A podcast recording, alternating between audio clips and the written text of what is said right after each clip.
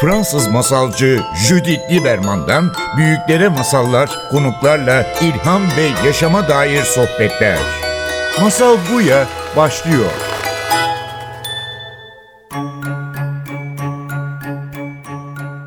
Masal Buya'ya hoş geldiniz. Bugün bizim stüdyomuzda iki yazar var. Jali Sancak ve Başar Başarır. Hoş geldiniz. Hoş bulduk. Hoş bulduk efendim. Ve ikiniz uydurmanın incelikleri için Hakan Biçakçı'nın soruları cevap verdiniz. Bu kitap aslında 15 yazarların arasında bir sohbet. Ve çok ilginç bir kitap gerçekten. Çünkü yani genellikle son zamanlar bir sürü kitaplar çıktı. Kitap, roman nasıl yazılır, yazar nasıl yazar biraz kilavuz tadında. Ama bu bir kilavuzdan ziyade siz yazarlar sanki yuvalak bir masada oturup ben nasıl yazıyorum diye sorusunun cevabını çok derinle derin derin bakarak yani yazmak benim için nasıl ve çok ilginç ki o kitapta hepiniz aynı fikirde değilsiniz yani çünkü prosesler ve yazma şekiller çok farklı. İlk önce benim ilk sorum bugün size kitapta olmayan bir soru olacak. Çünkü biz burada her tür anlatıyla ilgileniyoruz ama özellikle masallarla ilgileniyoruz. O yüzden Jale önce sana sorayım. Sen de yani kaç kitap yazdın? Yani yazar olarak sence masallar sana ilham verdi mi? Var mı hayatında masalların için özel bir yer var mı? Çocukken dinledin mi? Tabii ben masal dinleyerek büyüdüm. Üstüne üstlük masalları çok severim. Masalların çocuklar için de yetişkinler için de aslında insanın hayal gücünü çok güzel açacağını, güzel çalıştıracağını düşünürüm. Masalda daha çok hayal gücüyle gerçekler de olsa içinde hayal gücünün çok daha fazla olduğu türde bir sözlü şey, ve yazılı Kitapta da şey diyorsun. Bir tür evet. Biraz böyle masal tuhaflığını kullanmaya sevdiğini söyledin romanlarında. Evet, evet. Yani büyülü gerçekçilik masalla hemen hemen aynı şey diye düşünüyorum ben. Yani çok yakın diyelim ya da ben zaman zaman büyülü gerçekçilik kullanıyorum öykülerimde ya da romanlarda da seviyorum ama masalları da hep sevdim. E, hatta bu son dönemlerde masallara karşı bir takım tezler, fikirler üretiliyor. Eleştiriler getiriliyor. Ben hiç bunlara katılmıyorum. Masalların kime zararı olmuş diye soruyorum bunu söyleyen insanlara. Evet değil mi? Birçok insanlar bazen biraz korkuyor. Çünkü evet, masalların evet. içinde biraz korkutucu ögeler korkutucu olabilir. Korkutucu ögeler var. Cinsiyetçi ögeler bulanlar var. Çok çeşitli şeyler söylüyorlar aslında. Ee, masalların senin de söylediğin gibi şiddet içerdiğini kimi zaman. Ben kendim ve çevremdeki masallarla büyüyen, masal okuyan, masalları seven insanlara baktığımız zaman hiçbirimiz ne şiddetten yanayız e, ne de başka konularda masalların olumsuz etkilerini görmedik diye düşünüyorum ama bu da öznel bir düşünce aynı uydurmanın inceliklerinde olduğu gibi. Evet yani o konuda çok komik bir anekdot aklıma geldi. Seneler önce halk bilimcileri ben e, masal anlaticilik dersler veriyorum ve konu geldi geleneksel Anadolu formülleri ve biliyorsunuz ki geleneksel olarak masala şöyle biter yani kötü kahraman için ona sorarlar 40 katır mı 40 satır ve bizim anlamamış bir şekilde yani bu bir ceza geldiğini anlamayan der ki aman ben 40 satır düşman başına ben alırım 40 katır evime giderim ama tabii ki ona 40 katır vermiyorlar. Onu 40 katıra bağlıyorlar ve 40 ayrı yöne doğru gönderiyorlar. Bir evet. daha bu kötü kişi görülmüyor. Ve orada bütün öğrencilerim korkmuş bir şekilde diyorlar ki bunu biz çocuklara anlatamayız. Bu çok korkunç bir formül. Aman Allah'ım nasıl olur? 40 katır 40 satır unutursun silinsin şeyinden ve orada bir tane öğrenci vardı sadece. Bir tek bir öğrenci çocukken masal dinlemiş. Ötekiler hiç çocukken masal dinlememiş. Ve bu öğrenci birden gözleri fal taşı gibi açılıyor ve dedi ki ben şimdi anladım dedi. Ben çocukken kaç masal dinledim ve hepsi böyle bitti. Kırk katır mı kırk satır.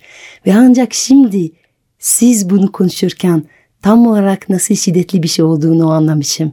Çocukken hiç böyle algılamamıştım. İşte bunu bazen kaçırıyoruz. Çocuklar masallar yetişkin zihinle o şiddeti öyle görmüyorlar aslında. Başar hemen sana dönüyorum. Masallar var mıydı senin çocukluğunda? Ve var mı senin yazar kalemin içinde masaldan bir etki? İkisi de vardı. Hala da var. Masal bence çok güçlü bir anlatı tipi ve masal yazmak da çok özgürleştirici bir şey. Cale'nin az önce değindiği kimi masallardaki 18 artı ögelerden kaynaklanan takım eleştirilerden bahsedildiğinde e, herkes her masalı okuyacak diye bir şey yok diye düşünürüm ve ben 18 artı masal yazmayı çok seviyorum. Okumayı da çok seviyorum. Son hikaye kitabında ondan öncekinde de birkaç tane net bir şekilde masal dilinde yazılmış şeyler var. Şahsen masala şöyle de ilgi duydum ben belki sen bilirsin 19. yüzyılın başlarında İstanbul'da bol miktarda Alman subayı var. Alman ordusu Osmanlı ordusunu e, elden geçirirken ve aynı zamanda da İstanbul Bağdat Demiryolu yapılırken İstanbul'da bol miktarda Alman bürokrat ve e, asker e, yetkilisi bulunuyor. Bunlardan birinin kızı Elsa Sofia von Kampfhovener adında bir e, lady bir İstanbul masalcısı haline dönüşüyor. Anlattıkları ne kadar doğru ne kadar gerçeğe uygun tartışılır ama İstanbul'da geçildiği süreler boyunca başından geçenleri anlatı anlatı ömrünün sonuna kadar bir mas Türkiye, İstanbul ya da Doğu alemi masalcısı olarak Almanya'da çok büyük ün yapıyor. Onun da senin gibi radyo programları var. Çok sayıda plak doldurmuş. Türk masallarıyla. 2-3 tane de kalın Türk masalları kitapları var. Ben bunların hepsini Almanca orijinalinden okudum. Çünkü orijinali diyorum çünkü masalların adından başka Türklerle ilgili fazla bir ilgisi yok. Kadıncağız muhtemelen kendi hayal dünyasında kafasının içindeki sarayda veya Anadolu'da kervansaraylarda ateş başında falan bu masallarla ilgilenmiş. Ben de böyle 18 yaşımda falan Elsa'nın hayat hikayesine takmıştım ve uzun süre takip ettim. O yıllarda tabii internet yok, o yok, bu yok falan. Elsa'nın masallarına ulaşabilmek çok zor oldu orijinal kayıtlarına. Sonra şeyi de öğrendim. Motivasyonel masalcılık, masal anlatma işini Almanya'da o ilk o geliştirmiş. Hatta 2. Dünya Savaşı sırasında Alman Hava Kuvvetleri pilotlarına masal anlatırmış. Yani hava kuvvetlerinin masalcısıymış. Bu bana ilham verdi aslında. Bildiğimiz masalların dışında bir dünya olduğunu ve o masalları bizim yazabileceğimizi. Ve ben masalsı ögeleri yazmayı da okumayı da çok severim. Evet bu Elza'yı bana Ezel Akay bu programa geldiğinde anlatmıştı. O o kadar ilginç bir hayat hikayesi var ki evet. onun hakkında bir film yapmaya düşünmüştü, planlamıştı. Sonra vazgeçmişti ama böyle tek tek anlatmıştı. Beni de tabii ki e, çok büyülenmişti bu hikaye. Çok e, ilginç tabii ki. Aynı zamanda böyle Nazi yönleri olan bir e, kadın sanıyorum. İşte İkinci Dünya Savaşı'ndaki evet. hava kuvvetleri hikayesi biraz oraya bağlanıyor. evet öyle. Şimdi bu kitabın adı Uydurmanın İncelikleri. Ben bu bu ad bu kelimeyi çok seviyorum uydurmak. Tabii ki masalcılarda çok olan bir şey. Masalcılar diyorlar ki yani kulağın ver ben sana bir yalan anlatayım. Yani bu yalan kelimesi günlük hayatımızda o kadar kirli bir kelime çünkü kandırmak için kullanıyoruz. Ama içinde bir hayal var, içinde bir başka dünya var. Uydurmak da öyle. Biraz kirli bir kelime ama aynı zamanda eğlenceli bir kelime yani hayal gücümüzü tetikleyen bir kelime. Sen ne düşünüyorsun? Uydurukçu musun Cale? Tabii ben uydurukçuyum. Hatta çok net hatırlıyorum küçükken bana babaannem uydurukçu derdi.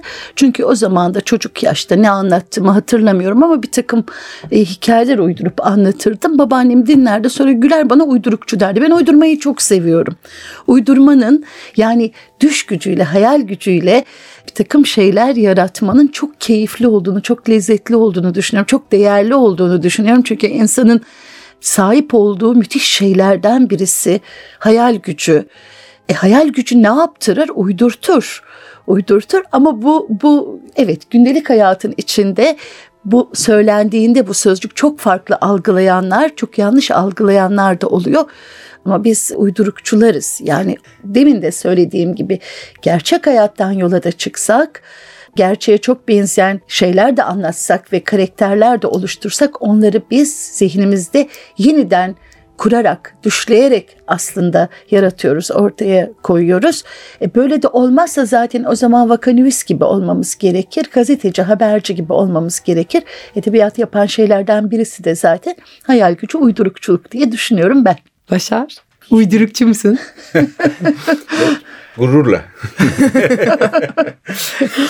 yani 1970'den beri gururla. gururla uy, diyorsun yani. Şimdi tabii ki bu kitabın içinde önemli bir e, soru var. Yani herkes roman düşündüğü zaman genellikle fikir der. Yani benim harika bir fikrim olsa ben süper bir roman yazarım. Ya da bu romanın fikri çok önemli. Aa, e, benim çok güzel bazen böyle şey oluyor. Ya benim kafamda harika bir roman fikri var.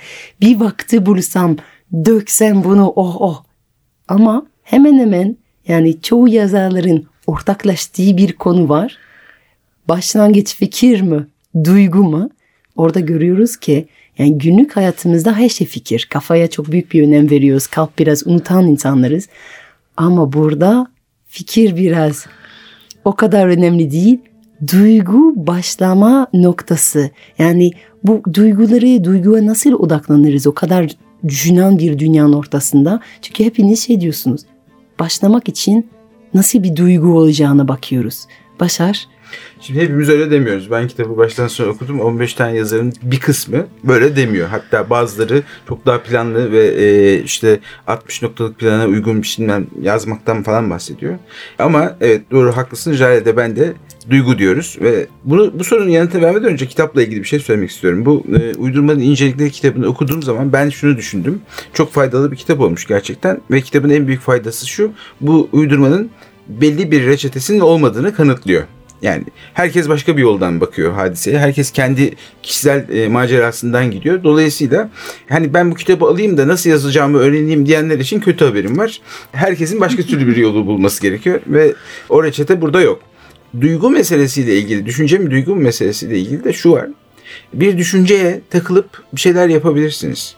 Ama arkasında bir duygunuz yoksa muhtemelen yazmayı sonuna kadar götüremezsiniz. Çünkü zaten yazmanın motivasyonu da o duygudur.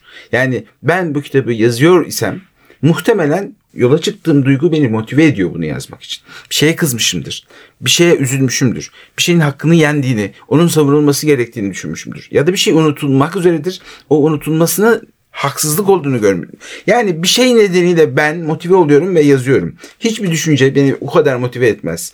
Ama duygularım benim yakamı bırakmadığı gibi beni çok da motive ederler.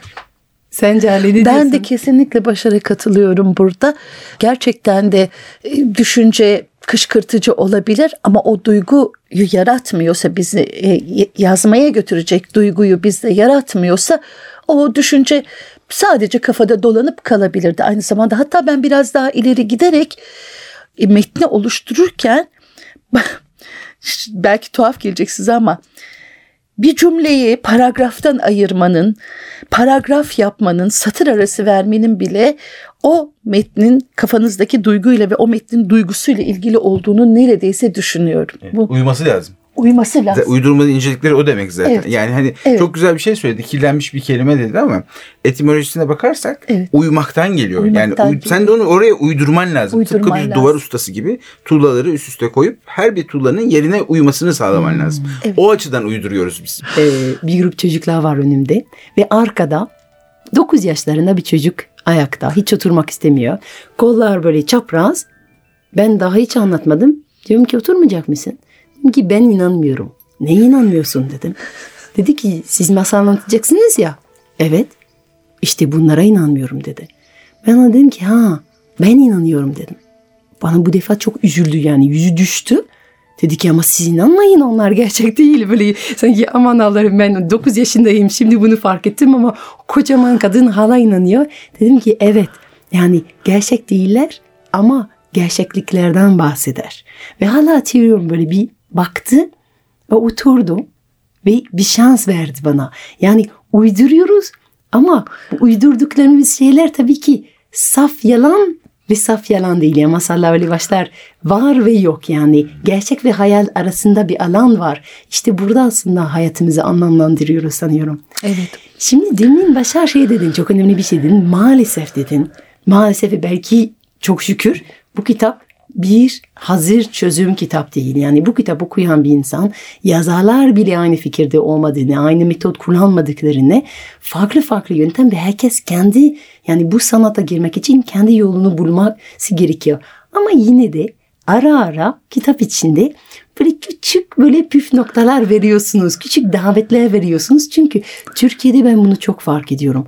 O kadar çok yazmak isteyen insan var. O kadar çok insanların kaleminde, akında, gönülde anlatılma ya bekleyen hikayeler var. Peki Jale zaten atölyeler veriyorsun bir de e, o konuda. Evet.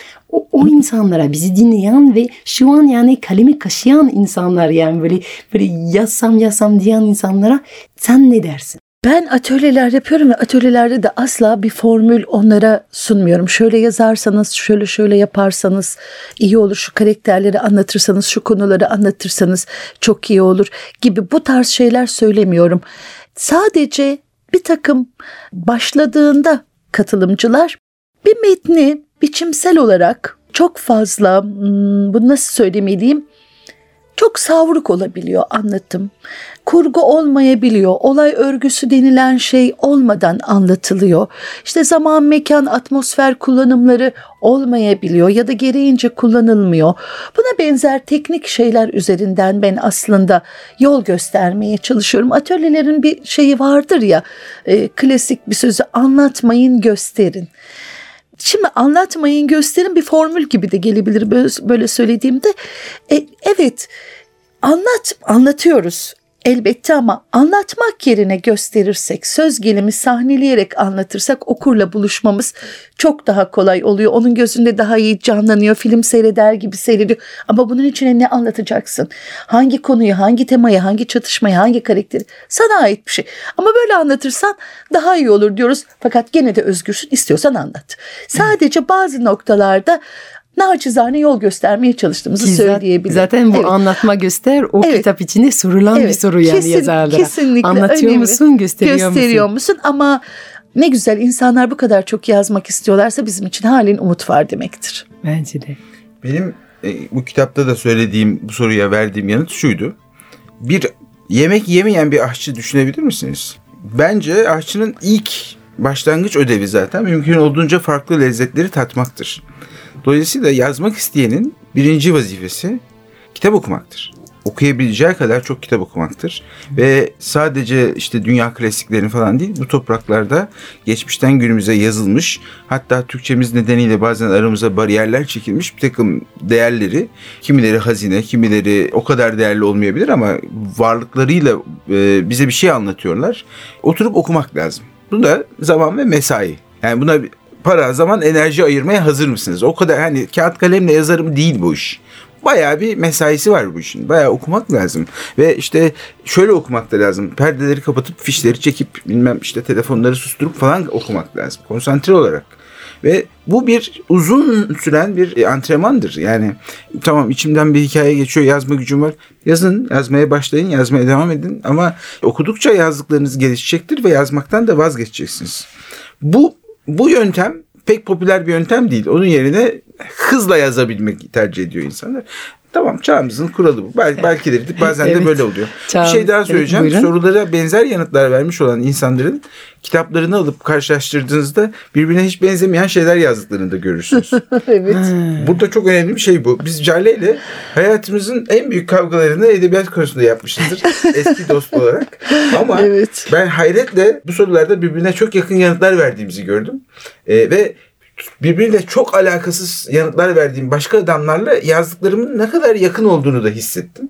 Bu da enteresan bir gözlemdir. Yazar gözlemi olarak size aktardım. Ama galiba burada en bariz ayrım benim daha dramatik yazmam Başar'ın daha mizaha dönük yani i- ironik mizahi yazması diye düşünüyorum. Gene de kafamızı kurcalayan meselelerin o kadar birbirinden uzak olduğunu hayatta düşünmüyorum ama evet bu açıdan ayrılıyoruz. Ay çok güzel. Yani diyorsunuz yollar farklı, varış noktalar aynı olabilir veya yollar aynı, varış noktalar bambaşka olabilir.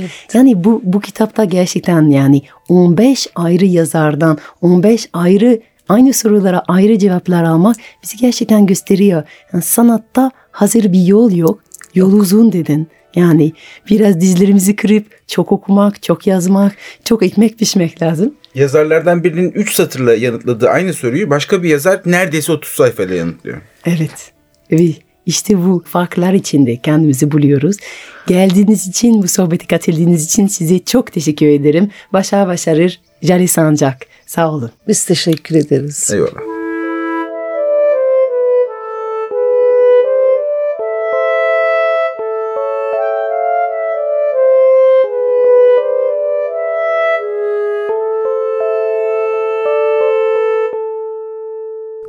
Tepesine çıkmadan önce ne kadar zamandır sonsuz çölde dolaştığını hatırlamıyordu. Çepçevre sonsuzluğa genişleyen çöl görmüş olduğu tek şeydi.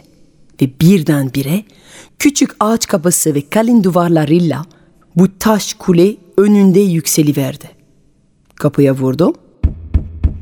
Kimse cevap vermedi.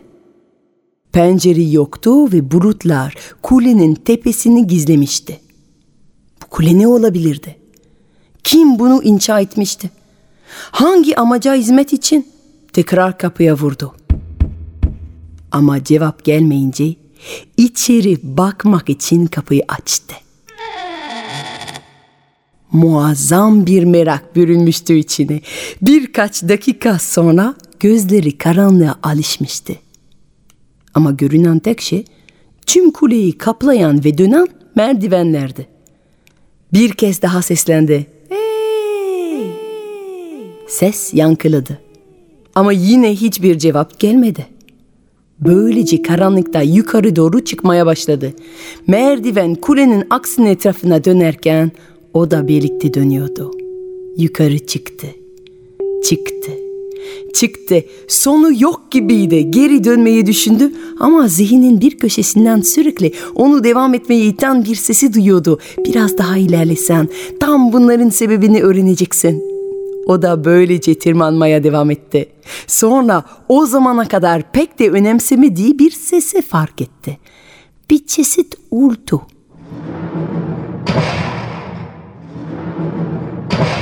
Her basamağa çıktığında karanlığın içinde bir yerde arkasından bir ses geliyordu.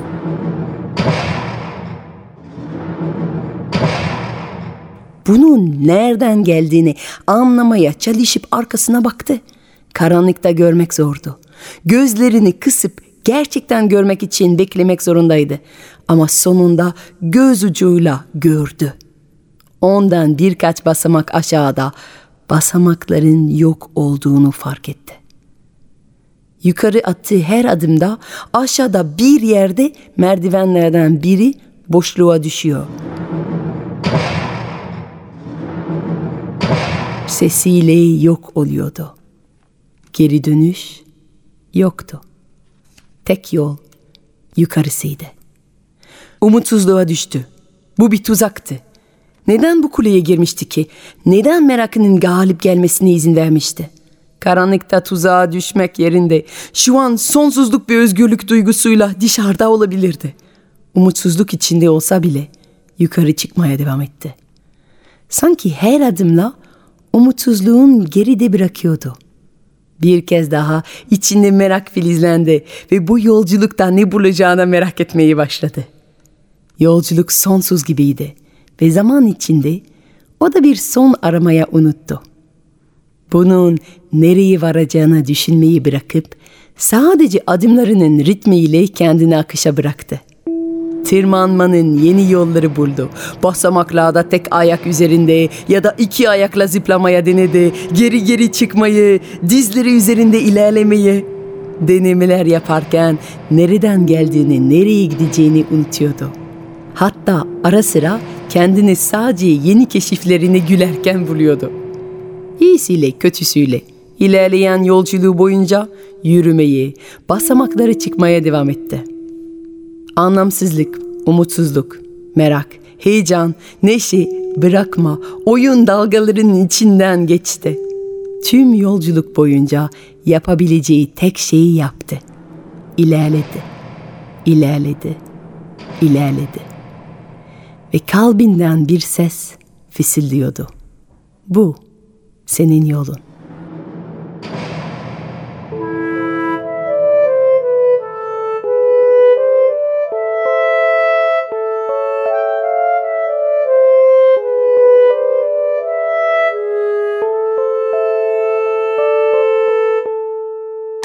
Fransız masalcı Judith Lieberman'dan büyüklere masallar, konuklarla ilham ve yaşama dair sohbetler. Masal Buya sona erdi.